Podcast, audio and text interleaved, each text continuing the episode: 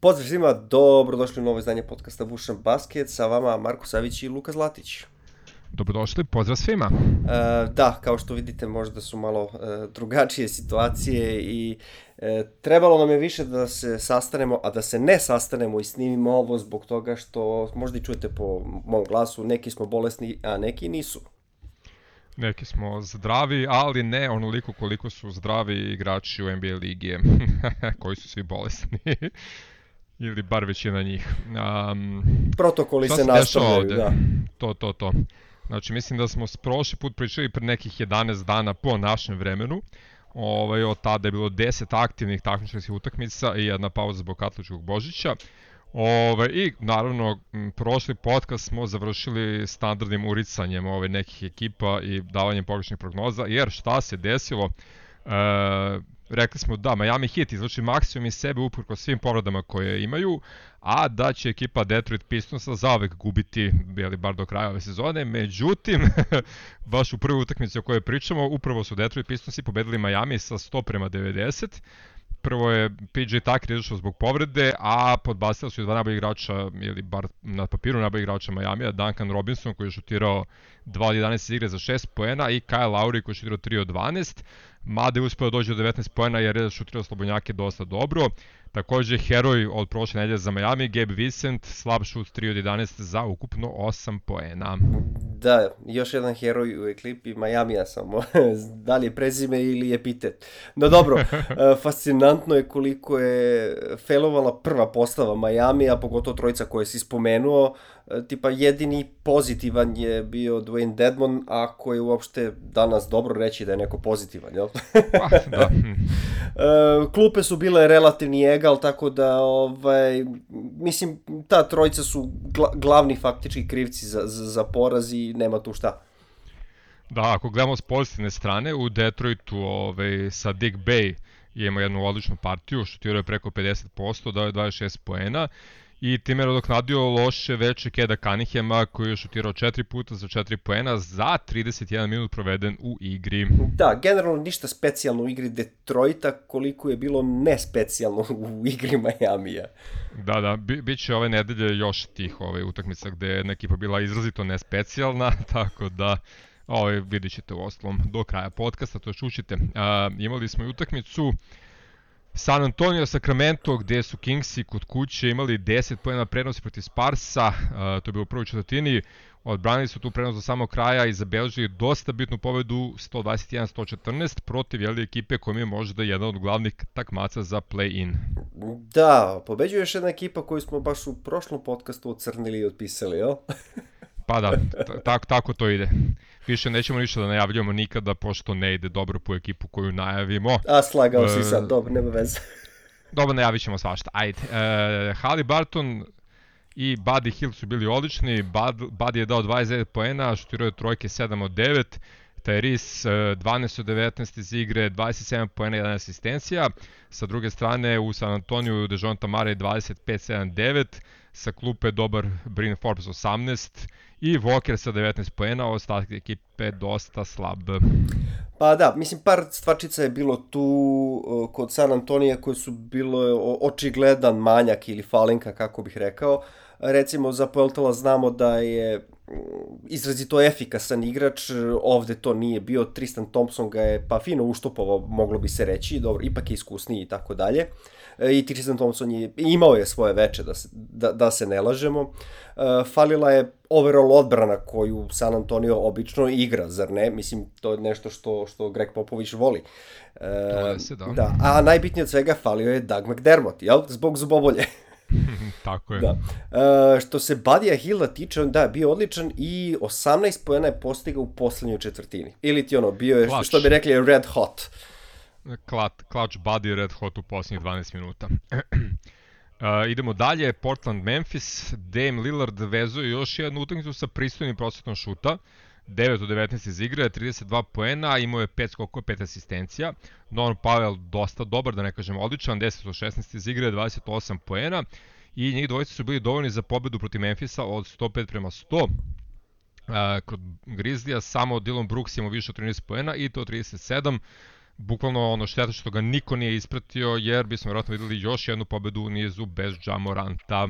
Da, vidim. I sa ovim porazom e, Memphis prevazilazi svaka očekivanja u, u periodu bez Moranta. Mislim, ne, ne verujem da je iko očekivao ovo obrni okreni. Tako da, tako da, ja nisam da, sigurno. Tako, tako da ovaj poraz nije nešto strašno, jel? Uh, generalno, eto, Steven Adams je odradio svoje u, u, ovoj utakmici, sve kako je trebalo, ali spoljna linija je failovala za sve pare. No dobro, dešava se, ne mogu ni da budu ovaj, na, na, na plafonu svaki put. Uh, inače, da, da, da, da malo dotaknemo i, i neku uh, nebitnu triviju totalno, ovo je bila utakmica broj 11 za redom sa 10 plus ukradenih lopti za Memphis. Uh, jedina ekipa koja ima duži niz u Celtics iz sezone 97-98 kada su imali 16 za redom. Odlično, odlično. Portland se pojavio sa jednom playoff rotacijom, samo 8 igrača na parketu, generalno nije baš da su imali nekog izbora, ali dobro. Uh, Nurkić, Nurkić je tu dosta ovaj, failovo. Ne, mislim, nezgodno je kada, kada centar koji generalno ne služi za razigravanje, uh, ah, izgubi sedam lopti. Srećom nije bilo kazne zbog toga. A, dosta neuspešno da baratanje loptom. Ali dobro. Ali dobro, dešava, dešava se, se dešava naravno. se. A, treba napomenuti da je Roko ili ti Ro, Robert Covington sa klupa imao mm partiju koju nismo videli dosta dugo. 13 efikasnih poena, 8 skokova, jedna ukradena, 4 blokade, to je onaj Roko koga poznajemo mi još odavno i nekako mi se čini da mu više odgovara taj ulazak sa klupe nego, nego prva postava. Pa tako se pokazuje statistički ove sezone, pa vidjet ćemo da li će imati više sreće u budućnosti. E, što se više sreće tiče, konačno ovaj povrtak Demara DeRozana koji se vratio za Chicago, tačno duje sa Lakersima, e, dakle s jedne strane falio AD, sa druge Zach Lavin, i imali smo baš kidanje pravi derbi večeri, u početini su se ekipe smenjivali u osvu do samog finiša, Westbrookovi poen na, na minut 22 do kraja dovode LA u vodstvo 110-109, onda DeRozan poentira 7 metara preko Lebrona, Bullsi prave seriju 6-0 i stižu do 115-110 i vrlo lepe pobede. Uh, Lebron, vrhunska forma, 31 poen, 14 skokova, 6 asistencija, iz igre 11-21, do duše pogodio je samo jedno od 7 pokušanih trojki, MVP DeRozan 38 poena, 6 asistencija i 16 od 17 sa linije slobodnih bacanja. Da, uh, mislim silom prilika ponavlja se nešto što pričamo već ne, neko vreme. Uh, ne može se igrati sa DeAndreom Jordanom na centru, a čovjek je proveo 21 minut na parketu i jednostavno ne vredi. On je statistički ne. solidan, on je statistički solidan, ali promaja u odbrani je, je užasna i ti kad pogledaš tu prvu postavu uh, LeBron, DeAndre, Wes, uh, Ellington i, i Isaiah, pa mislim sa takvom postavom ti jednostavno moraš da postigneš mnogo više poena uh, kada ti odbrana jednostavno ne postoji u takvoj postavi. I to se nije desilo, jel? Jasno. E, što se Lebrona konkretno tiče, mogu je malo da se ugleda na DeRozana i ne šutne ni jednu trojku, pomoglo bi sigurno. Ali dobro, Lebron razvija svoj šut za 3 pojena već sezonom unazad, tako da ove, što više šutiraš, više će ući, itd., itd. Da, one way to look da, at it, uh, okay. Dan drugi, Philadelphia, Boston, uh, Philadelphia, znači, dolazi na noge Celticsima koji igraju bez Horforda i Time Lorda, Embiid naravno u tom, toj konstelaciji divlja očekivano. Međutim, Kelti se ne predaju posle pošto prednosti Sixersa i u poslednje 4 minuta ulaze sa 7 pojena prednosti. E, onda su ipak krenuli da nižu promašaje, falove u napadu i tehničke, pa Joel i ekipa stižu do preokreta i pobede 108-103 kao što rekao Kembide divljo cijelu utakmicu, naročito u tom finišu stigao do 41 poena, 10 skokova, dve ukradene i četiri blokade, a ispratili su ga kako dolikuje i ove sezone najbolji saigrač Seth Curry sa 26 i Toby Harris sa 25 poena. Što se Bostona tiče, Jalen Brown odlično, 30 poena, 9 od 22 iz igre, Tatum 5 od 14 iz igre za 17 poena. Da, mislim, bilo je očigledno da će im biti divljati, ne igraju ni Time Lord ni, ni Horford, tako da je to normalna stvar, ali generalno gledano ti kad pogledaš ovu utakmica mogla da se dobije i bez njih dvojice, samo da, da, da Tatum nije bio toliko tragičan, recimo, eto, da, da. jedna od većih stavki. Uh, nije iskorišćena ni činjenica da je klupa Sixersa postigla ukupno jedan, ali jedan poen je klupa Sixersa postigla. Mislim, eto. znaš, i, i ti izgubiš tu utakmicu. Onako, plus, dobio si jednog Markusa Smarta sa plafom partijom, gde dečko postigao 15 poena 6 od 10 za šut, 6 skokova, 3 asistencije, dve ukradene, jedna blokada. Mislim, ti bolje od Smarta ne možeš da dobiješ. Mislim, bar kad je, bar kad, da. ne, ne, bar kad su, kad su u pitanju ovaj, poeni, jel? Efikasni poeni. Ovo ostalo može, to nije problem. Ovo ostalo je ništa specijalno. Ovde, bukvalno, a, akcenat bacam na, na, na tih 15 poena sa 60% šuta, znaš. To je, to je baš onako plafon partija za njega. Apsolutno. Uh, pa vidi, veliki problem Bostonu ove sezone je igra u klač minutima ovaj, gomilu puta su ušli u pošću četvrtinu sa nekom prednošću ili u egalu i onda u poslednjih 5-6 minuta popuni ono, popuno stanu da igraju i izgubi utakmicu koju nije trebalo da izgube. Ali dobro, to ovaj pričat ćemo možda više nekada o tome. Ili da se ne ponavljamo, A... da se ne ponavljamo već drugi treći put danas dešava se. Da, dešava se. Ovaj idemo dalje. E, možda lepe vesti, vratio se Ja Morant. Odigrao je protiv Oklahoma 28 minuta, postigao 16 poena uz 8 asistencija, ali njegova ekipa je izgubila ovaj, od Tandera 102-99. E, Gidi i Dort su sa Slobodnjaka uspeli da održe tu malnu prenosu po 8 minutima, a Dylan Brooks je promašio sa preko pola trena uz zvuk sirene. E, Gidi odlična linija, 19 poena, 5 skokova, 11 asistencija. Da, e, zli jezici bi rekli da Memphis ne bi izgubio ovu utakmicu da se Morant nije vratio, no dobro, pa, ajde, nije da, se, da, se, da, se, da se ne bojimo tim teorijama zavere. Uh, nije ni pomogla dominacija u ofanzivnom skoku, uh, gde je Adams imao 5 komada, cela ekipa 17, što je uvek veliki broj. Uh, mm -hmm. Uh, i Adams je konkretno imao 12 skokova već u prvih 8 minuta i znamo kako je prošla ta prva četvrtina, Memphis je odvalio. Uh, uh, i tih 12 je rekord sezone u skokovima za jednu četvrtinu, ali je to posle nekako prestalo. Uh, izgubilo se jednostavno. Uh, s druge strane, doprinos Dorta je fascinantan. Mislim, ok, on je, on je, ti kad njega pogledaš, on je šutirao 4 od 15. To je, to je dosta loš procent za šut. 3 od 11 yes. za 3 poena, ajde, nije tragično, ali opet loše. I opet da, je... Jedan od 4 za dvojke, da. Tako je. I sa takvim šutom on je uspeo da bude među, među vodećima u plus minus kategoriji. Ili ti ima, imao je plus 13. Ja mislim da je najviše neko imao plus 15. Taj neki fazon. Mm, odlično. Ovaj, tako da, odlično. da te, te neke sitne stvari koje Dort radi u odbrani, to je, to je ono, za, za, za svaku pohvalu. To to ne vidi se kroz statistike, ali se vidi na, na terenu i oseti se ovaj, u toku utakmice. E sad, imamo jednu polu dobru vest, ono, bila je dobra vest par dana, vratio se Paul George, ovaj, e, njegova ekipa je svakako pukla, Clippersi su odvoljeni od San Antonio Sparsa 116-92, PG je imao 25 poena po 6 skokova asistencija, Zubac imao 12-12 i to je bilo to mm, od ekipe iz Los Angelesa. E, za San Antonio četiri igrača preko 15 poena, Dejonta ponovo sjajan 24-12-13, to mu je zanimljivo, šesti triple-double ove sezone i prvi igrač u istoriji franšize koji je uspeo da ima šest ili više triple-double u jednoj sezoni, a e, odgledali smo samo 30 utakmica do sada, tako da ima još vremena da dođe do 15-ak možda. Da. Uh, evo, spomenuo si ta četiri igrača preko 15 poena, to su bili igrači iz prve postave, pa i taj peti igrač prve postave koji nije imao 15 poena je isto bio dvocifren. Tako da tako cela je. prva postava je odvalila. Što se Clippersa tiče, evo, mislim, okej, okay, ova igra Zupca koju smo videli protiv San Antonija je blizu onoga što se očekuje od njega i ovo je Zubac koji može da ostane na parketu i ostao je na parketu, jel? Yes. Uh, nažalost, ovoga puta ostatak ekipe je bio tragičan. Ovaj, I za kraj jedna beznačajna trivija koja zvuči frapantno. Ovih 27 poena što su primili Sparsi u prvoj četvrtini uh, je prva utakmica posle četiri u nizu, a da nisu primili 37 ili više poena u istoriji. To je to, to je ta vrhunska obana u prvoj četvrtini, ali dobro. Dok se pobeđuje, nećemo se buniti. Naravno.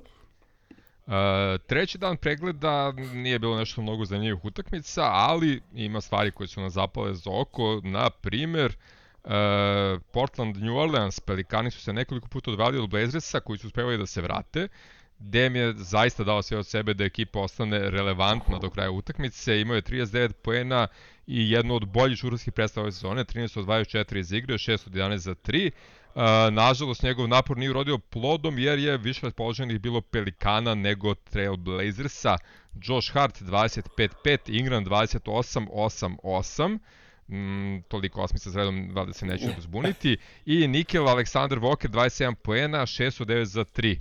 E, Pelikani su posljednju četvrtinu dobili 30-19 za konačnih 111-97. Da. E, I ovi će kao i Memphis da ljosnu kad im se vrati Zion, a za sad su dobri. Da. Ako se vrati. da, ako, ako se, se vrati, vrati, to je tačno. Ovaj, mada kako je krenulo sa protokolima, bit će tu prostora i da se vrati, da. Tako je. E, ovo mi je bila treća vezana pobeda i nise nastavio već u sledećoj utakmici protiv Orlanda, ne znam da ćemo dotaći, dotaći toga kasnije, ali dotaći ćemo se još Pelikana. Samo da. sad rekao hoćemo, Tako. može, može, pričat ćemo o njima još. E, igrači koji nisu bili nosioci e, su bili dosta kvalitetniji u, u Pelikanima, jel? E, tako da, već si spomenuo, e, Niki Aleksandar Walker je sa klupe skoro sam duplirao doprinos klupe Portlanda. Znači 27 pojena imao Niki Aleksandar Walker, dok je klupa Portlanda imala čitavih 15. Da, slabo. Tako da je tu, mislim, možemo naći i, i, i tu prevogu koja je došla u samoj utakmici. E, Portland nema, nema koga sem Nurkića na centra da stavi, da se ne lažemo, a sa druge strane je bio raspoložen Juancho kada god Valanča nije bio na parketu, jer bukvalno su mhm. mogli da se smenjuju, jel? Dominirali su Pelikani u skoku i to je faktički bila ključna tačka, tu Dame ne može da pomogne. On može u svem ostalom da pomogne, ali u skoku ne može. I na kraju je bilo teško, 44 teško. prema 31 u skokovima i to, to, teško se oporavlja od toga. Tako je, bez reketa ništa. Sansi su uspeli da sastave možda i najbolju postavu moguću u ovim teškim vremenima za COVID NBA ligu i svratili su goste Lakersima koji su bez Edija i još par rotacionih igrača. Lebron i Westbrook su fino održavali ekipu u životu u prvom polovremenu, obe ekipe su odigrale dosta prosečno. Posle 24 minuta 54-52 za Phoenix. E, drugo polovreme Suns je otprilike jednako dobro kao prvo, ali su Lakersi bili još neprecizniji. Na kraju su izgubili 108-90. Statistika kaže da je LA šutirao 65% bacanja i okruglo 20% trojke.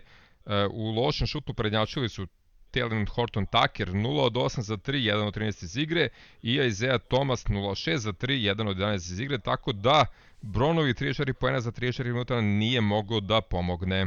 Da, pričali smo o ovome dosta, pa mislim i danas smo se već dotakli, a, a da ne pričamo o prošlim podcastima. Uh, Lakersi više nemaju onu odbranu od mm. prošle i preprošle sezone. Pogotovo ne bez AD-a. A kad uz to fali i napad, ti tu nemaš dobrog ishoda. Ne vidim kako, jel? Uh, od Aizeja nismo mogli da očekujemo da će svaku tekmu biti dobar, jel? On će možda negde bljesnuti, ali uglavnom će biti, pa, tragičan, ipak dečko ne igrao mnogo dugo, jel? Uh, mnogo dugo, ako se tako kaže uopšte. Uh, on je tu ipak došao kao ispomoć, ali, o, o, mislim, greško je sad, greška ili je, ili je primoran, nije bitno. Uporno vidimo kako se Talan Horto take muči u postavi sa Bronom i sada dodatnim Westbrookom. To jednostavno ne može da funkcioniše svima je to jasno. I dolazimo dotle da, da ono kao bukvalno moram kažem, e, aj molim te, daj te minute Krmelu, bar će da pogodi nešto, znaš, ono, da, bar za to služi, služi da stoji negde i da ubode. Dalen Horton Tucker to ne zna da radi. Do, no dobro, e, da ne pričamo da ni prvo polovreme ne bi bilo tesno da Sansi nisu otvorili prvu četvrtinu sa 0 od 9 za 3 poena. Dosta neprecizni i Sansići. Mm, dobro, idemo dalje. Uh, Orlando Atlanta, to je duel timova koji imaju zajedno više igrača u protokolu nego onih koji su zdravi. Uh, E, magični iz Orlanda dakle uspeli da iznenade Hawks u Atlanti, bolji su bili u prvom povremenu i prenos koji su uspeli da ostvare u tom periodu održali su do samog kraja i na kraju 104-98. Najbolji kod Atlante, Redi sa 34 poena, John Collins sa 28 poena, 12 kokova. Za pobednike Franz Wagner, odlična partija, 25 poena, jedna ukradena, dve blokade i mogo je samo da bude precizniji ono sa linije za 3 poena, šutirao 1 od 6. Da, da, pored Rediša i Collinsa smo mogli komotno ti ja da igramo i rezultat ne bi bio mnogo drugačiji. A, vaj. Jedno užasno poluvreme Jastrebova od kojeg se nisu oporavili, jel? Od tih ukupno 14 izgubljenih lopti, 11 je bilo u prvom poluvremenu. Od tih 11, 9 su bile ukradene lopte Orlanda. Uh, pritom, Orlando se trudio da izgubi. Recimo, Orlando ima jednog Okekea koji se istripovao da je Dirk Novicki, kao ja ću da šutnem 11 puta za 3 poena, naravno pogodio je samo dva puta, jel? Tako da ni Orlando se nije baš trudio da pobedi, ali eto, Atlanta nije znala za bolje. Ljudi, ljudi tankuju, ali nekad i nad tankerom ima tankerasti, tako da to je to. E, iznenađenje večeri, poraz jedna od najboljih ekipa na istoku, Cleveland Cavaliersa protiv Boston Celticsa, koji konačno stižu na 50%, mada se nisu dugo zadržali na tom procentu, ali dobro. E, rezultat na kraju utakmice 111-101 za Celticse, Cavsi su tokom cijele utakmice bili podređeni. Iznad prosjeka, kao uvek, Garland 28 pojena 6 asistencija, jedini koji ga je pratio, Kevin Love sa klupe, 18 pojena 12 skokova, u Bostonu sabio Jalen Brown 3-4 poena, šut iz igre 12 od 22, 5 od 10, 50% trojke i naravno Time Lord 21 poen u samo dva promaša, 11 skokova, 7 asistencija i po dve ukradene i blokade. Da. Ok, Cavsi ovde baš loši za 3 poena, imali su 23%, ono 9 od 38, pa čak i u globalu kad im pogledaš šut 39%, to je dosta loš šut. Uh, 36 od 92 na kraju, uh, vidim Arkanen i Rubio su zajedno imali 4 od 24, znači su, mnogo je to prodatih lopti, jel? Ili ti 20 matematikom. ovaj, teško, teško bi Boston bilo šta uradio da su Cavs imali bar prosečan dan, a ne ovako tragičan. No dobro, ne, ne gleda su zube poklonu, jel? Što se tiče Time Lorda, evo, samo da se zna, ovde ste prvi put čuli o njemu još jako davno. Tako je, više se ne sjećamo kada je to bilo, ali bilo je davno. Ove, u ovo čudno doba kad ekipe nemaju više od sedam zdravih igrača, a treba im osam da bi smeli da igraju utakmicu, dešavaju se neverovatni povratci na teren. 20 godina nakon što ga je Boston draftovao, Joe Johnson se vratio u NBA ligu nakon 3 godine pauze, odigrao je poslije 2 minuta i postigao poslednji koš za svoj tim na ovoj utakmici. Da, eto, bar neka korist od ove pandemije, ako smem to tako da kažem. Ovaj, dodao bih još nešto, to je da je igrom slučaja Taco Fall debitovao kao starter u NBA ligi baš na ovoj utakmici, baš protiv svoje bivše ekipe. Uh, iako nije igrao mnogo za Boston, navijači su ga navijači su ga zgotivili i pa generalno su mislili da tako Fall njihov novi Boban Marjanović ili tako nešto. No dobro, ovaj, nije se to desilo na kraju. Tako je, sad može da igra u Clevelandovoj ultra visokoj postavi kao najviši visoki igrač. Ali dobro. Um, Još jedna zanimljivost, ima onaj mim uh, sa over 9000 Dragon Ball snaga Aha. i likova i tako to. Pa tako je naš Nikola Jokić konačno over 9000, postoje šest igrač Denver Nuggetsa sa preko 9000 posljednutih poena. Uh, međutim, neće posebno slaviti utakmicu u kojoj je to postigao, jer su Nuggets izgubili od OKC-a 108-94, Uh, Melon je zbog loše igre dosta mešao postavu, a jedini koji je prebacio 26 minuta bio je Campazzo, koji je za to vreme dao 9 poena. Jokar je završio sa samo 13 poena, 7 skokova i 3 asistencije. Da, reklo bi se da je Malone u stvari pokušao da odmori pre svega Jokaru protiv slabijeg protivnika, jel? Mm -hmm. uh, naravno misli to se obilo o glavu sad šta da radiš, ali eto možda i bolje da se izgubi utakmica nego da još neko lipše i završi sezonu, jel? Tako da Istina. marš sa dve oštrice, znaš, znaš kako nije nije pomoglo ni što je ovaj ruki bonus Highland koji je imao pa neko svoje veče morao da odhramlje van tekme u, u drugoj četvrtini, vratio se u trećoj četvrtini, ali se videlo da ga muči ta noga koju je povredio. Jasno. A, za razliku od Raštimovog Denvera, u Oklahoma šest dvocifrenih igrača, prilično dobre partije cijele prve petorke, izdvojio se naravno najbolji igrač Shea Gilgis Alexander, triple-double, 27 poena, 11 skokova, 12 asistencija, 10 od 17 za 2 poena, slobodnjaci 7 od 7, bukvalno jedina loša stavka u njegovoj statistici bile su trojke, promašio svih 7 šuteva za 3 poena. Da, dobro. Uh, dodao bih samo da je Darius Bazley bio taj koji je sa klupe bio odličan i vodio je ekipu kada Shea nije bio na terenu. Mm. 17 poena, 7 11 za šut, 11 skokova i dve blokade za samo 28 minuta. Da se vratim na Šeja, mislim velika pitanja se sad postavljaju za njega, očigledno je da, da, da je dečko, ono, kako to vole danas mladi da kažu, pretalentovan. Ovaj, kakva je njegova budućnost kao glavni igrač OKC-a, da li je to najbolji put za njega, da li bi možda, možda bolje bilo da se traduje. E, mislim, znamo već ovaj, kako je pro, prošli put protekla ovaj, ta uh, pa, želja za pravljanjem super tima u OKC-u, jel?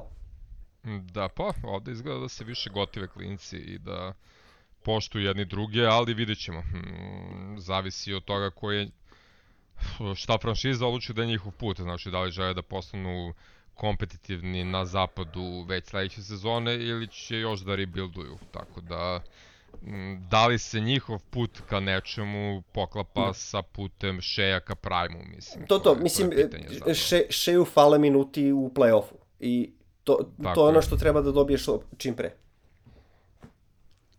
Stigli smo do večeri pred banje veče odigrano malo više utakmica, a pošto je dan kasnije nije bilo utakmica, bavimo se i nekim manje značajnim mečevima. E, kao što smo malo pre spomenuli, Savić voj da priča o nizu Pelikana, ma i stvarno ih treba pohvaliti. Ne da što su dobili Orlando Magic, nije to baš neka pobjeda, nego što ipak počeo da liče na tim, ovaj, ja pošto jeli, nemamo pojma kad se kad se Zan vraća, možda taj tim i ostane malo duže na okupu, ne računajući ove COVID probleme. U svakom slučaju 110-104 za Pelikane, e, dominacija u prvoj četvrtini 32-17, malo su štusnuli treću, ali su izražili napade protivnika i pobedili. Da, kao što smo rekli, malo pre četvrta vezana pobeda. Uh, izgleda da su im trebali silni protokoli da bi počeli da liče na tim. da, da, smanjili su da. rotaciju ovaj, na silu i eto. Da, e, dobro, ali evo konkretno Valanča je protokolisan bio ovde, e, ali je u tom trenutku bio rangiran kao drugi igrač lige u skokovima i prvi igrač lige u poenima posle ofazivnog skoka. Mislim, opet, to su, to su kako bih rekao, uh, frapantne statistike za ekipu koja je tamo negde, jel? Uh, sa druge strane, Okeke i dalje istripovan da je Dirk Novicki 0 od 5 za 3 poena, jel? Opet, uh, da, tako je, tako je.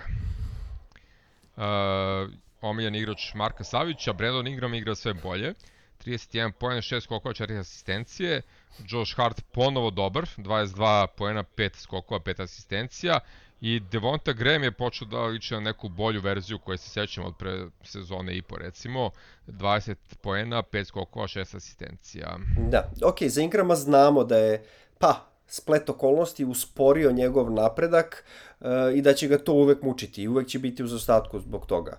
Uh, Zajanove poteškoće su za njega lično odlične, ali koliko je to dobro za tim, pa samim tim opet dobro za Brendona igrama, to je, to je veliko pitanje. Vidjet ćemo šta će od svega toga da. biti.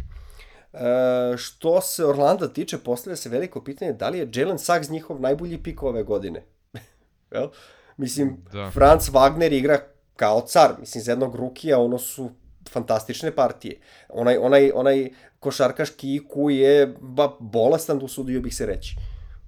Dobro, bilo je reći o tome na samom početku, ono, Saks je, Saks je ulaganje u budućnost, a Wagner igrač koji je, za kog se verovalo da će moći omah da, da pomogne, čak su neki ljudi prognozirali da bi Wagner mogao da bude draftovan od strane, na primjer, Golden State-a kao neko ko može odmah da krene da ulazi sa klupe i da e, doprinosi na parketu, tako da je potpuno okay što igra ovako dobro, mada lagao bi kad bih rekao da ono nije uveliko nadmašio i ta e, da kažem, optimistična očekivanja koje smo imali za njega pred početak sezone. Sigurno, sigurno je nadmašio očekivanja, nema, nema teorije da, mislim, kogod, kogod je očekivao ovo, pa birao bi ga ranije, zar ne? Da, sigurno. Uh, Hawksi vole da pobeđuju Sixerse i to u Filadelfiji. Ove, uradili su to i bez Treja i Kapele. Timski duh i šest igrača među 12 i 18 pojena su presudili i bolje igru u posljednjih 4,5 minuta, pošto su od minus 4 došli na plus 6, 98, 92 poenima Bogdanovića, E, ta serija 12-2 ih je uvela u posljednji minut gde su uspili dobrane prednost, a Embiid je promašao šut za izjednačenje uz zvuk sirene. Da, u suštini to je bio jedini period gde je Bogdan pogađao, ostatak večeri ne baš toliko dobar. Mislim da je sve ostalo još 3 poena dodao ili tako nešto. Pa dobro, povratak iz povrede dugačke, tako da ono, treba će mu vremena da dođe na onaj nivo iz finiša prošle sezone. Uh, Joel Embiid, 23 poena, 6 od 17 iz igre, Tobi 16 poena, 5 od 14 iz igre, uh, Bogdan, dakle, njegova druga utakmica posle povrede, šut kriminalan 4 od 17, 1 od 9 za 3, ali ukupno 15 poena i ti posljednji koji su doneli pobedu. O Njeka, o Kongvu, Heroj 13 poena, 8 skokova i on odlično je menjao kapelu, mada je onda on posle vrlo brzo otišao u COVID protokole. Da. Uh, ono što je ovde krasilo Atlantu je bila odlična odbrana na Embiidu. Uh, fascinantno dobra s obzirom da Atlanta nije imala klasičnog centra u postavi. Bar ne većinu vremena. Evo recimo imamo 14 minuta Dienga ako računamo njega u klasičnog centra. I to je sve. Mm. Ovo ostalo su sve bile četvorke kao e, mi smo sad centri, jel? Tako da odlična odbrana na Embiidu uprkos, uprkos limitacijama. Uh, u suštini, s druge strane, support ekipa File odradila prilično solidan posao koji se od njih traže, ali su glavne uzdanice Embiid to, to bi podbacili, jel? Jasno. E, možda njih dvojice podbacuju, ali zato Kemba Walker dominira 44 poena, 9 skokova, 8 asistencija, odlični procenti, preko 50 iz igre, tačno 50 za 3 poena, 100% sa dev, iz, iz 9 gađanih bacanja, međutim, Džaba i takve performanse Kembe, kad je Washington bez Brede bila jači od ove verzije Nixa, čak 7 igrača Washingtona su igrali preko 20 minuta i postigli preko 10 poena, Spencer vidi naravno najbolji, 21 poen, 12 asistencija, Kyle Kuzma iznenađujuće dobar 18 poena, 10 skokova. Da, vidi, Dim vidi procvetao bez Bradleya Bila, što u suštini jeste logično, mislim, obojci treba lopta, a zna se ko je prva rupa nasvirali. Mm -hmm. uh, Vizarci uboli plafon efikasnosti i bili mnogo bolji u segmentu. I, i za dva poena i za tri poena imali su prednost od 10 i više posto. Dosta precizno. Ili preciznije od drugih.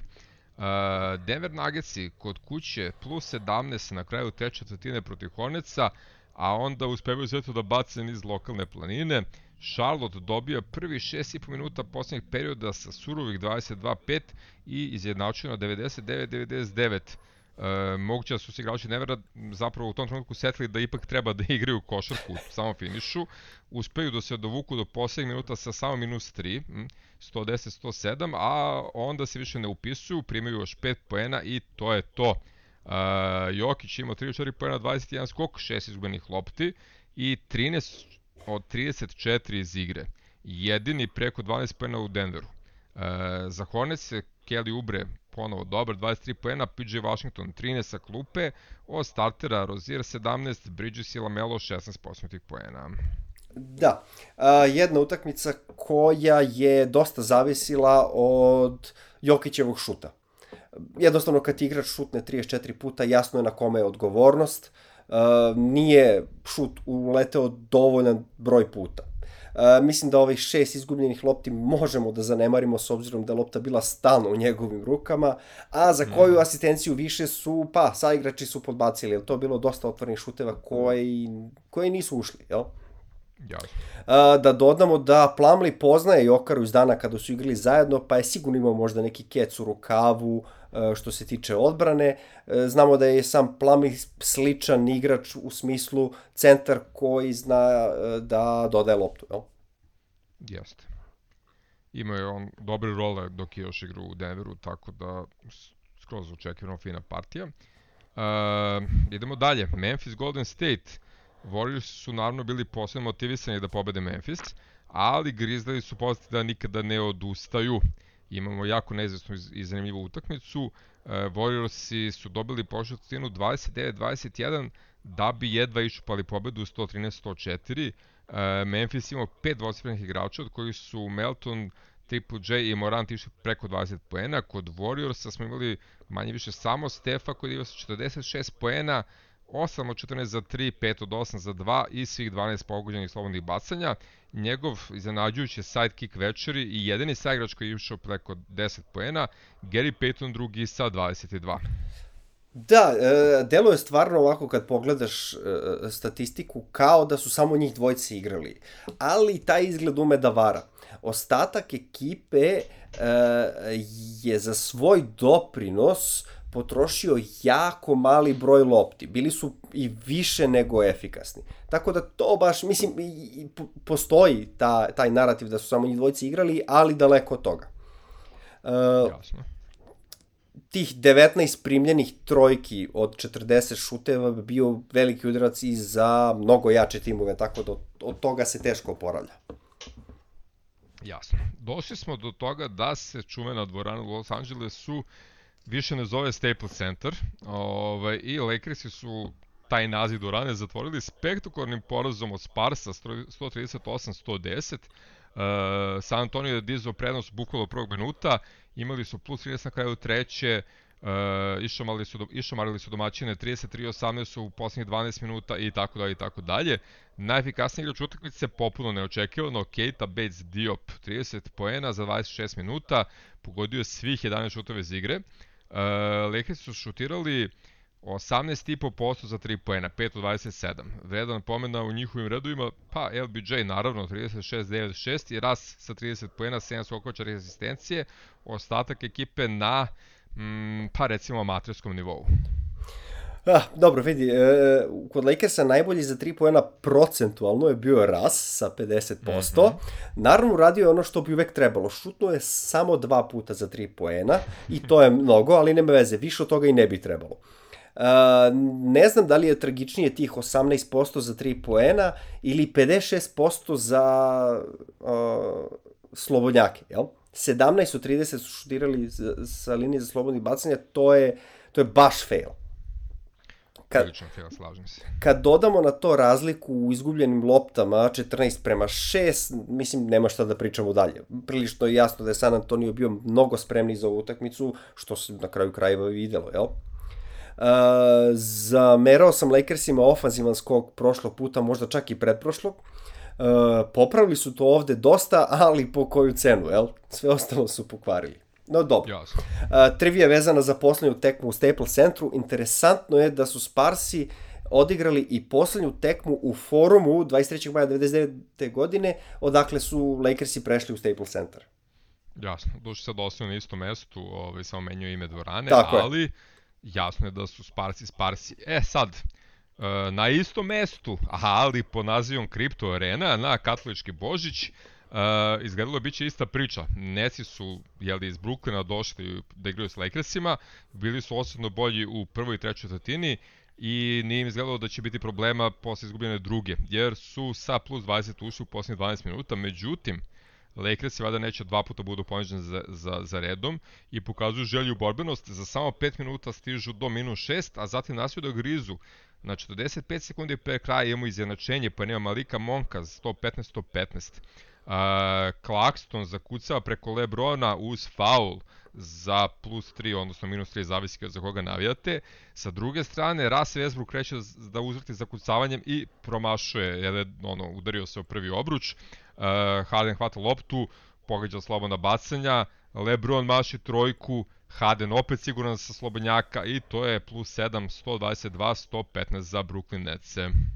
Da, pa vidi, pre tih silnih promašaja izgledalo kao da ne mogu da promaše, tako da, mislim, moralo da se izbalansira negde, jel? Uh, yes. Opet je tu presudila loša odbrana, a ne nešto drugo, jel? Uh, I dolazimo do fascinantne šta je starije koka ili jaje momenta. Uh, da li je Mills pogodio toliko zbog loše odbrane ili je jednostavno uključio ovaj God mode za to veče. na to, to je sad, da. mislim, ne, ne, ne mogu kažem, nećemo nikad znati, ali generalno pogađao je i preko ruke kad mu je bila u faci. Jasno. Uh, Brada na kraju triple-double 36, 10, 10 pomenuti Patty Mills 8 od 13 za 3 poena i 34 poena. Uh, LeBron ponovo preko 30, 39 poena, 9 skokova, 7 asistencija i Malik Monk 20 poena. Uh, ok, ovo, ovo ti je Brada u, u svom prirodnom okruženju, jel? Uh, neko bi rekao da je možda bolje da KD i Kyrie ne igraju do play-offa, jel? Pošto Brada zna tokom cijele sezone da vodi Šoder ekipu u play-off, jel? Jasno. Tako da je to sasvim normalno. Uh, Ves je imao triple-double, ali 4 od 20 za šut je baš loše. Mislim, neke, neke triple-double, neke quadruple-double, 4 od 20 je baš loše i ne može nikako da pomogne timu. Slažem se, ali on ima takve te, zovimo ih žute minute kad ne može ništa pogodi i to je to. Um, velika trojka Baksa, ovaj, Drew Janis i Chris Middleton se vratila za sa Bostonom, međutim Kelti uspevaju da krenu bolje, postižu čak 35 poena u prvi 12 minuta i imaju plus 15 na poluvremenu. U drugom poluvremenu Baxi vrlo brzo anuliraju tu prednost. E, Boston uspeva ponovo da se odvoji i na 10 minuta pre kraja ima 12 razlike, e, 102-90, što je prednost koju druže čak 5 sledećih minuta. Međutim, dolazimo do opet onog klač Bostona, sam finiš utakmice pripada Milwaukee-u, oni prave seriju 15-2 i na 90 sekundi do kraja izjednačuju na 111-111, Uh, Jalen Brown je jedini koji je pogodio za igru u toj seriji, zatim je pogodio još dva slobodna bacanja, ali onda usledi nova serija od 6-0, uh, što je ukupno 21 prema 4 u poslednjih 5,5 minuta i pobeda za domaćine 117-113. Da, moglo bi se reći da je ovde faktički šesti igrač presudio, uh, ili ti borba tih šestih igrača. Recimo, Bobby mm -hmm. Portis je doprineo dosta više, uh, ili nek, neka bude i da je egal uh, kao i, i, i Pritchard, ali je imao dosta manju minutažu. Uh, sve je to dovelo do toga i da Ante Tokumpo odigra samo 30 minuta, što je sigurno uticalo na to da bude mnogo sveži u završnici, za razliku od velike četvorke, da ovde kažemo, u prvoj postavi Bostona, gde niko ispod 37 minuta nije igrao. Sigurno su im mnoge bile teže u završnici, što je, sigurno. mislim, uticalo na, na sve to. Uh, Božićni derbi za prvo mesto u ligi odigrao se u Feniksu, gde su Warriors i došli do bitne pobede, uh, Suns su bili prilično kompletni, a Golden State je bio bez i drugog i trećeg strelca Wigginsa i Jordana Pula, ni igro ni Igi, a Clay i Wiseman se, kao što znamo, i dalje oporavljaju. E, kad je teško, neko mora da iskuči, a iskočili su zanimljivi ljudi. Ok, ne samo ti zanimljivi, nego i oni uobičajeni.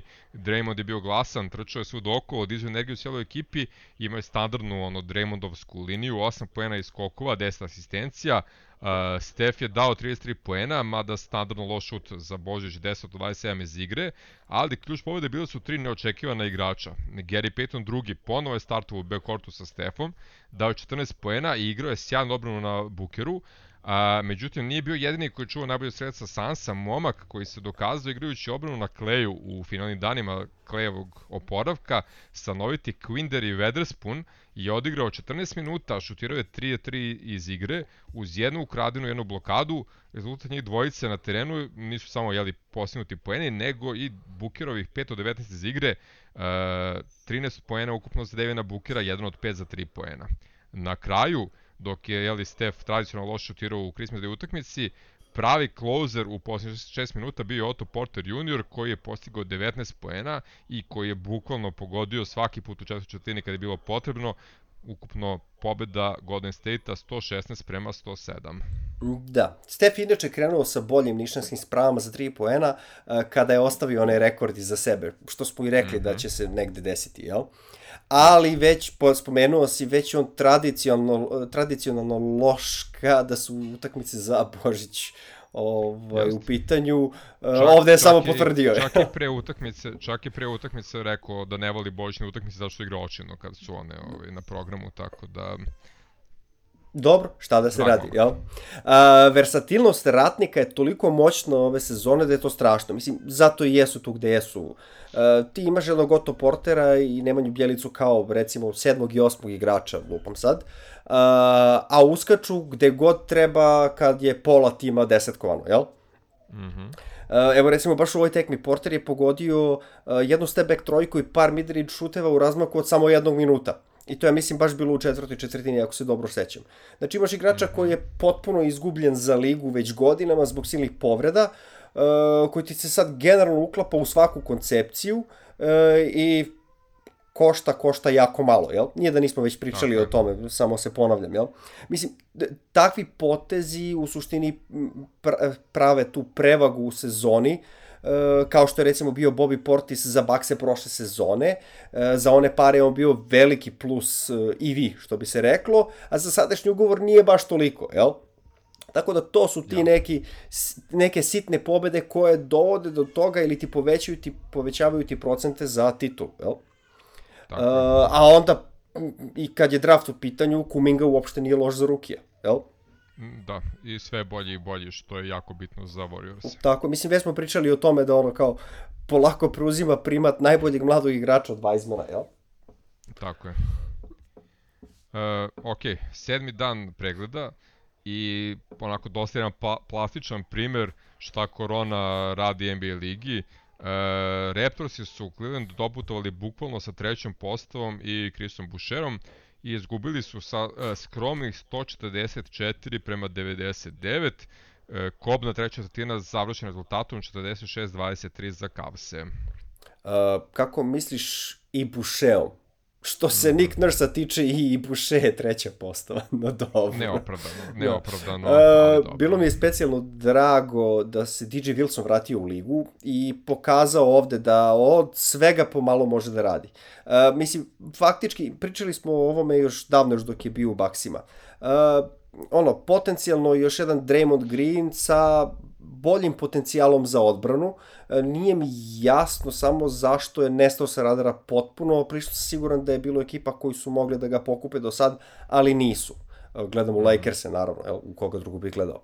Uh, imao je 15 poena sa šut 6 od 8, 8 skokova, 4 asistencije, 5 blokada, jedna ukradena, mislim, neke, sve, neke i sve to napravio u garbage vremenu.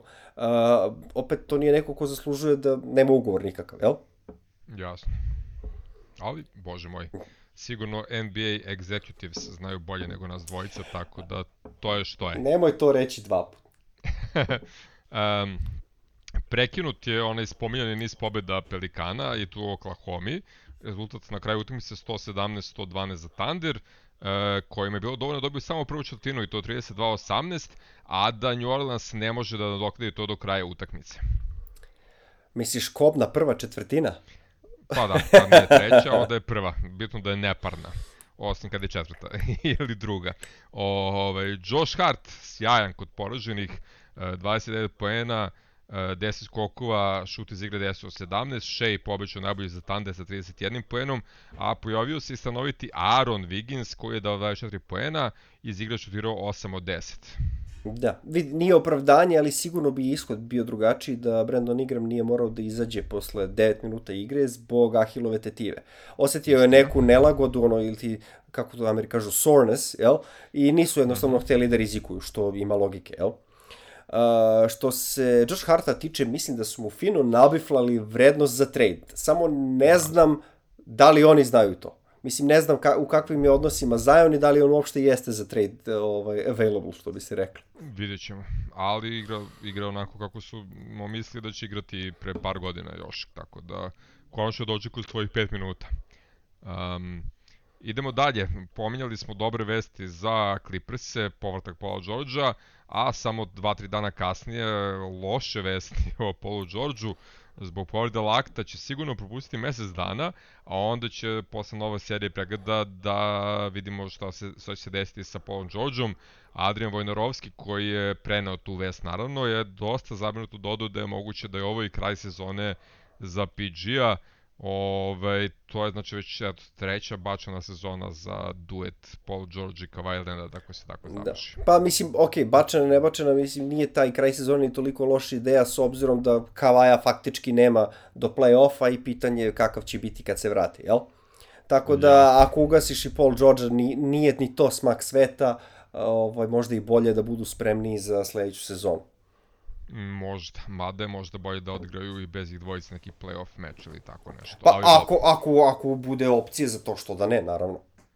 U svakom slučaju lepo su reagovali preživjeli Clippersi, e, dodali su gas i za malo su bedili Nagetse i to nakon što su gubili sa 17 razlike u drugom polovremenu. Zapravo za malo su stigli u produžetak, ali je Brandon Boston Jr., kog si pomenjao u prošlom podcastu, sa 18 pojena bio najbolji strelac ekipe uz Bledsoa, e, promašio trojku za izjednačenje u počnoj sekundi.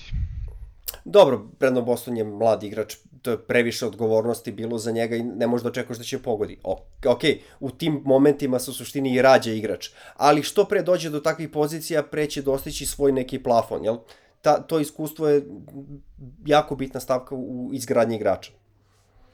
Yes, uh, u Denveru Jokara, osim loših šuta 9 od 94, pobeću dominantna partija, 26 poena, 22 skoka, 8 asistencija. Da, konačno Zubac u, u, u solidnom izdanju kad je, pa u suštini najpotrebnije bilo, jel? Uh, 22 skoka i Okara on nije mogao da spreči. Okara je jednostavno uh, jači i stabilniji, a skočnost im je relativno slična, jel? Uh, ali je bitna stavka da mu je dovoljno zasmetao da Jokara ne, znaš, ne, ne pogađa koševe toliko često. Uh, smenjivali su se i oni i Baka na njemu i naravno ostali su svežiji što je doprinalo da Jokara ipak nema snage da sve vreme bude na vrhunskom nivou uh, za svih 38 minuta ili tako nešto koliko je odigrao. Uh, srećom bilo je dovoljno dobro, jel? Uh, falio je Hartenstein možda kao još jedno telo koje može da se baci na Jokaru, jel? Tipa da uđe da napravi tri falu da ga iznervira, recimo. To, ne, ne možda mi kažeš da to nije jedna od taktika. no ja, dobro. Ali bolje to koristiti u play-offu, ne mora u regularnoj sezoni ipak. Dobro, to nikad ne znaš, jel? Mora da, mora da se nauči za play-off, jel? Uh, Jokara dolazi do svoje, svojevrsnog franšiznog rekorda, naime ima u svojoj lepezi sada uh, šest utakmica sa 20 ili više poena i 20 ili više skokova. Pre ove utakmice je delio tu poziciju sa Markusom Kembijem, ko je mator kao mi, e. seća se ko je to. Tako je.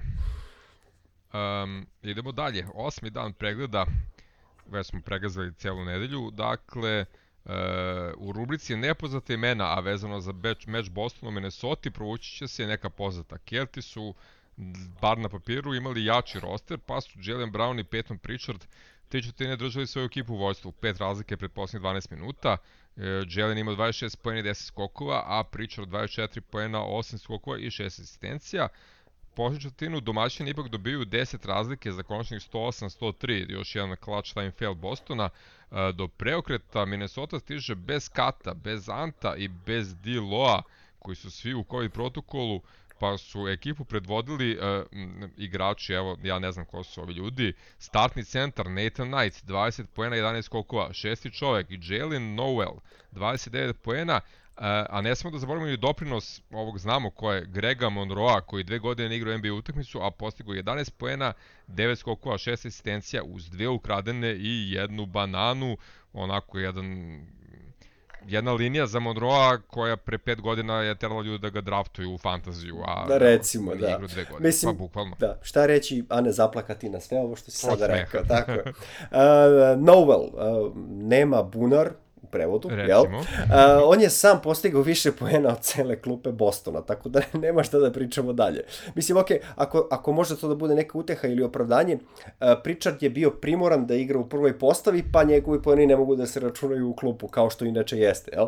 No dobro, na samom kraju morali su bar Jalen ili Pritchard da budu efikasniji da bi, da bi, da bi Boston uh, pobedio ovde.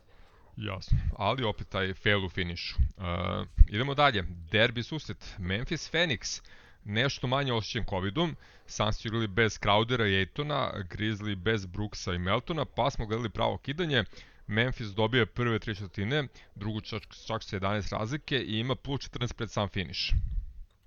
Pa da, mislim, u današnjem vremenu Sansi ipak uh, najkompletniji sa faktički istim sastavom kao i prošle sezone, uh, znači nema uigravanja, svi se znaju, uh, lakše je prebroditi kad neko fali iz postave i tako dalje. Mislim, nije ni čudo da su tu gde jesu. Si. U poslednjoj četvrtini Sansi preuzimaju utakmicu u svoje ruke. Uh, Booker pogađa trojku na 5 sekundi do kraja i Phoenix prelazi u vojstvo 113-112, međutim da ih poslednjih 5 sekundi je dovoljno da Jamorant prodorom dođe do pobedonosnog koša za 114-113. Uh, ukupno imao 33 poena, ispratio ga je Desmond Bain sa 32, a izrazito koristan uh, kao i uvek bio je Steven Adams sa 13 poena, 16 skokova, 7 asistencija. Booker 50% šuta, 30 poena, CP3 13 poena i 13 asistencija za poražene. Da, mislim, evo opet pričamo o Memphisu i, i, i nekako ne mogu da se, da se oduprema da ne pričamo o Stevenu Adamsu i njegovom doprinosu. Uh, yes. Mislim, ok, evo, Steven Adams je opet izdominirao u ofanzivnom skoku. Uh, možda on to i ne bi uradio da je igrao Ejton, ali ovaj Ejton nije mogao da igra. Nije igra, uh, ali pojavljuje se još nešto. Pojavljuje se sedam asistencija Adamsa. Čekaj, odakle sad to? Znaš, ono, baš, baš uh, jedna plafon partija Adamsa koji, mislim, ono, uh, ako Memphis uđe u playoff i, i, i prođu dalje od, od, od prve, da ne kažem druge runde, onako baš su mi uh, Dark Horse ovaj, favoriti, uh, biće, biće dosta vezano sa igrom Adamsa. Sigurno. Uh, Booker se ovde približio lepom društvu, uh, Uh, posle ove tekme mu je falilo 4 poena do 10.000 poena u karijeri. Uh, mislim, sad već znamo da se to već desilo u sledećoj tekmi protiv OKC, dotati ćemo se i toga, uh, pa ćemo da nastavimo dalje vezano za tu triviju. Ja mislim da je to potpuno fair. Dakle, idemo na deveti dan, još malo pa gotovo. Uh, pričali smo o tome šta je potrebno da Lakersi pobede i rekli smo da je potrebno da to bude da bar jedna od njihove velike troke izdivlja. Ovog puta su izdivljala obojica zdravih. Lebronov triple-double, 32 poena i po 11 skokova asistencija, šut iz igre 11 od 19, Rastov triple-double 24, 12, 10, 10 od 17 igre, a pomogo i Malik Monk sa 25 poena. Pustiti to što znaš. Da Melo nije imao 24 efikasnih poena ili ti 9 od 15 za šut, 4 od 8 za 3 poena, za samo 28 minuta, drugu pesmu mi bi sad pevali. Tako je, tako vidim, vidim da si odlučio da ti Melo bude ovaj Dark Horse omiljeni igrač ove, ove sezone, što je popuno okej. Okay. Ne znam kako si došao do toga, ali okej. Okay. pa stalno nešto spomenjaš njegov, njegovu nadljusku preciznost i tako to. Nije, šalim se, okej okay, Melo, stvarno igra dobro. Uh, Lakersima je da pobede sigurno pomoglo i to su igrali protiv Houston Rocketsa koji nisu bili loši, ali ipak je to slabašna ekipa koja nije mogla više od časnog poraza 132-123. Uh, Lakersi totalno bez odbrane, uh, igrači fantasy menadžera ovaj, će me razumeti, prava gang-ho taktika. Tako je, što više poena, to bolje. Derbi večeri bio je gostovanje Denvera u San Francisku, Warriors su upalili vrlo, vrlo, vrlo sporo i dozvolili su sebi da gube 24 razlike na polovremenu, 60 e, prema 36, znači samo 36 poena za Golden State u prvom polovremenu. Katastrofalna šuterska predstava. U drugom polovremenu su se uloge prilično promenile, pa domaći dobiju te dve utakmice 50-29, što jeli nije dovoljno. Denver uspeva da ukrade pobedu 89-86. Da, Denver možda nema health and safety protokole kao problem, ali su desetkovani kao da ih imaju, znaš. dakle, Skoro, da. Da, pored Jamala i MPJ-a kojih već nema neko vreme, uh, meč propuštaju i Montemori zbog kolana i Aaron Gordon zbog zadnje lože, tako da ono kao dođemo na isto, jel? Covid, ne Covid. Tako je, svi, svi su sakati. Uh, u posljednjem minut su ušao nerešenim rezultatom 84-84. Igi je na samom kraju promašao za produžetak, a napad pre toga mislim da se desio ključni moment utakmice. E, Nikola Jokić blokira Jonathana Kumingu na oko 4 sekunde pre kraja. Osim te prelomne blokade Jokara imaju četiri ukradene lopte i standardno 22 poena i 18 skokova. E, pored Jokare, odličan Will Barton 21-4-4. Sa druge strane, Wiggins 21 poen za porožene, a Steph Fino, jedna linica, e, 23 poena, 4 skoka, 4 asistencije, mada šut za 3 poena, 5 14. Vidi, koliko god da su ratnici bili loši za 3 poena, nagici su bili još gori. I mislim da ovo da. nije prvi put ove sezone da smo ovako nešto rekli, mislim da je bilo još par puta. No dobro, da se vratim na, na igrača koga sam spomenuo malo pre kad smo pričali o ratnicima. Otto Porter recimo ovde nikako nije mogao da uđe u ritam i uspeo je da ne postigne ni jedan poen za 26 minuta. Jel? Neko bi rekao da smo ga proklili malo pre. pa pošto, pošto vreme nije linearno, sigurno jesmo, tako da da. Ovaj, anyway, zaključak je da smo gledali tekmu gde su obe ekipe bile odlične u odbrani po jedno poluvreme. Yes. Uh, pogotovo ratnici u drugom poluvremenu primili su samo 29 poena. ali to nije dovoljno kad si onoliko lošu šutu u prvom. E, za kraj, za deseti dan ovog pregleda, dve kratke priče o failovanju u režiji dve najlegendarnije ekipe NBA lige, Bostona i Lakersa. Elem, Clippersi su došli u Boston i bili su loši u svim statističkim kategorijama osim u dve manje bitno. Bilo su slobodna bacanja, 14-17 za Clippers, 8-11 za Kelte, mada je tu napravljen više oko 6 poena, međutim mnogo bitnije bile su trojke. Clippers su šutirali ne naviše dobrih 11 od 28, za njih je to čak i slabo, oni su trojkaška ekipa, ali to ne može se porediti sa Bostonom. E, pet igrača u zelenom dresu su probali da šutnu trojke tri ili više puta, a da ne pogode ni jednu. Horford je bio najgori, 0 od 7. Uh, Jalen Brown, jedna trojka iz 13 pokušaja. Uh, ceo tim u početnoj četvrtini 1 od 18 za 3 poena, ukupno ispod 10%, 4 od 42. Uh, što je najgore, promašili su gomilu otvorenih šuteva za 3. Znači, nije ono da su se pustavali preko ruke, nego su imali izgrađene akcije, dobar protok lopte i onda su mašili sve što su ono šutnuli, bacili ka košu i na kraju naravno zaslužen poraz 91-82. Da, sa takvim trojkama stvarno ne znam koga ćeš da dobiješ. Nikoga. Ovaj, da, ti si, ti si malo popravio situaciju kad si rekao ispod 10%, ali ga, pa. e, to je opet dvocifreni broj. Ne, jednocifren je 9,5%. no, tragično, da, tragično. Baš tragično. No dobro, Time Lord svetla tačka, jel? Još jednom, ovde se za njega prvi počuli, ali nedovoljno za nešto više. E, sam je imao više ofanzivnih skokova od cele ekipe Clippersa, bilo je 10 prema 9, ali kako i ne bi sa tolikim promašajima njegovi saigrača. Je, e, ok, krunicao je svoju igru tako što nas je počastio jednim potezom koji je pa poznati iz, iz igre 90-ih i, i ranih 2000-ih, gde se faktički bacio za, lop, za, za loose ball, što bi Amri rekli. Uh, Nažalost, opalio je facom po parketu, pa je morao malo da se opasulji pre nego što je ustao i publika je jasno stavila do znanja koliko ceni takav potez kad je uspeo da stane na noge i da se odgega u slačionicu. Jel? Dobio ja. je silne ovacije, što i Tako. ima smisla. Jel? Apsolutno. Požrtvovanje treba nagraditi. Uh, drugi fail, Lakersi imali su da kažemo kontrolu nad utakmicom veći deo meča sa Memphisom izgledali su kao bolji protivnik ali su bili loši u dva elementa. Prvi element, dosta bitan, bio je to što nisu uspeli čak ni da uspore Džamo Ranta, koji je dao 41 poen uz 10 skokova, šutirao je 6 od 7 za 3 poena. Drugi element, bili su izgubljene lopte, ukupno 18 komada, od toga Lebron i Ras po 5, znači 10 njih dvojica. Ključna izgubljena lopta, Lebron James na oko 7 sekundi do kraja i minus 3, kada su Lakersi treći put upastili pokušaj da izjednače u posljednjem minutu. Da, generalno nije pomogao ni, ni Vesov promašaj za, za čisto polaganje uh, nakon coast to coast uh, driblinga, uh, uhvatio defanzivni skok, pretrčao ceo teren, kako samo to Ves ume, jel? To radi da, da. celu karijeru. Uh, to je bilo neki dva minuta do kraja i bukvalno mu niko nije smetao, ono, sklonili su se i Jamorant i Zabore koji je bio drugi. Ono, kao, i, sa, I samo je uspeo da promaši taj zicer. I to je bilo na dva minuta do kraja i tada je bilo minus tri. To svakako nije pomoglo. Uh, nije pomoglo nego što je Melo ovoga puta bio kriminalan sa klupe i eto ti ga. Ja. Mislim, 2 od 11 za šut, 1 od 8 za 3 poena. Kao da igrao za Boston to večer.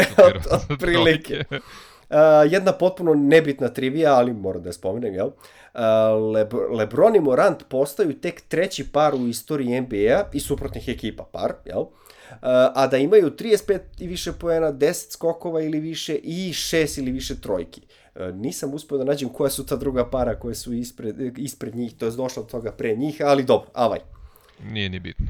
A, što se Lebrona tiče, a, mislim, ok, pljuvo sam ga dosta i tako dalje, ali šta taj čovek još treba da uradi u ovim godinama da, da, da Lakersi doguraju negde?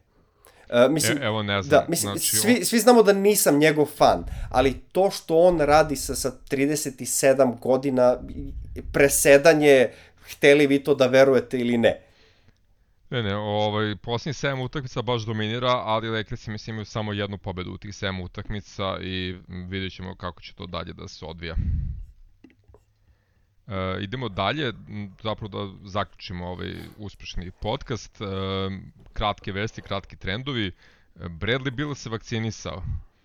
konačno u Washingtonu isto po, po, stavljeno da, da su obavezne vakcinacije i moraju da se ovaj, vakcinišu da mogu da igra kod kuće. Uh, Kyrie Irving još se nije vakcinisao, ali je izašao iz COVID protokola i počeo trenira sa ekipom.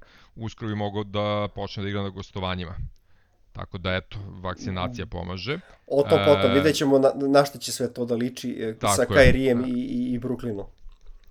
Uh, Ricky Rubio se povredio, pokidao je ACL, ista noga kao pre 9 godina kada je propustio sezonu i kustru zbog, zbog iste povrede, što je velika šteta za Rubio i za Kavse. On je imao odličnu sezonu kao šesti igrač i vrlo često vođa ekipe na parketu. Ah, uh, šta ćeš? Mislim, tad je bio mlađi i lakše je to podneo. Sad će to biti vratno da, teže, vidjet ćemo. Ako ništa, ba će moći da radi na šutu ovaj, dok ne može da skače. Ako ga do sad nije uradio, neće ga ni sad uraditi. I to je istina. E, ne bih sad mnogo pametovao o trendovima. Bukvalno, ono, osnovni trend NBA lige je da bolje igraju uh, i bolje rezultate postižu ekipe koje imaju manje problema sa covidom, a loši one koje virus više osakatio. Mislim, tako je pa je tako, ne, nema tu šta da, da, ovaj, da, da pametujemo. A i što se najave tiče, gledajte ono što se ne otkaže. pa, bukvalno, znači, ne znam, vidiš, samo niko ne zna ko će igrati, ko neće igrati, ovaj, šta će se odigrati, šta se neće odigrati. E, tako da ono, vratit ćemo najave u kao standardnu rubriku kad se malo račisti situacija oko ovog novog talasa COVID e, bolesti. A, I to je što se mene tiče to. Možemo samo da poželimo vama, dragim slušacima, srećne praznike i čujemo se posle nove godine. E, do sledećeg slušanja. Prijetno.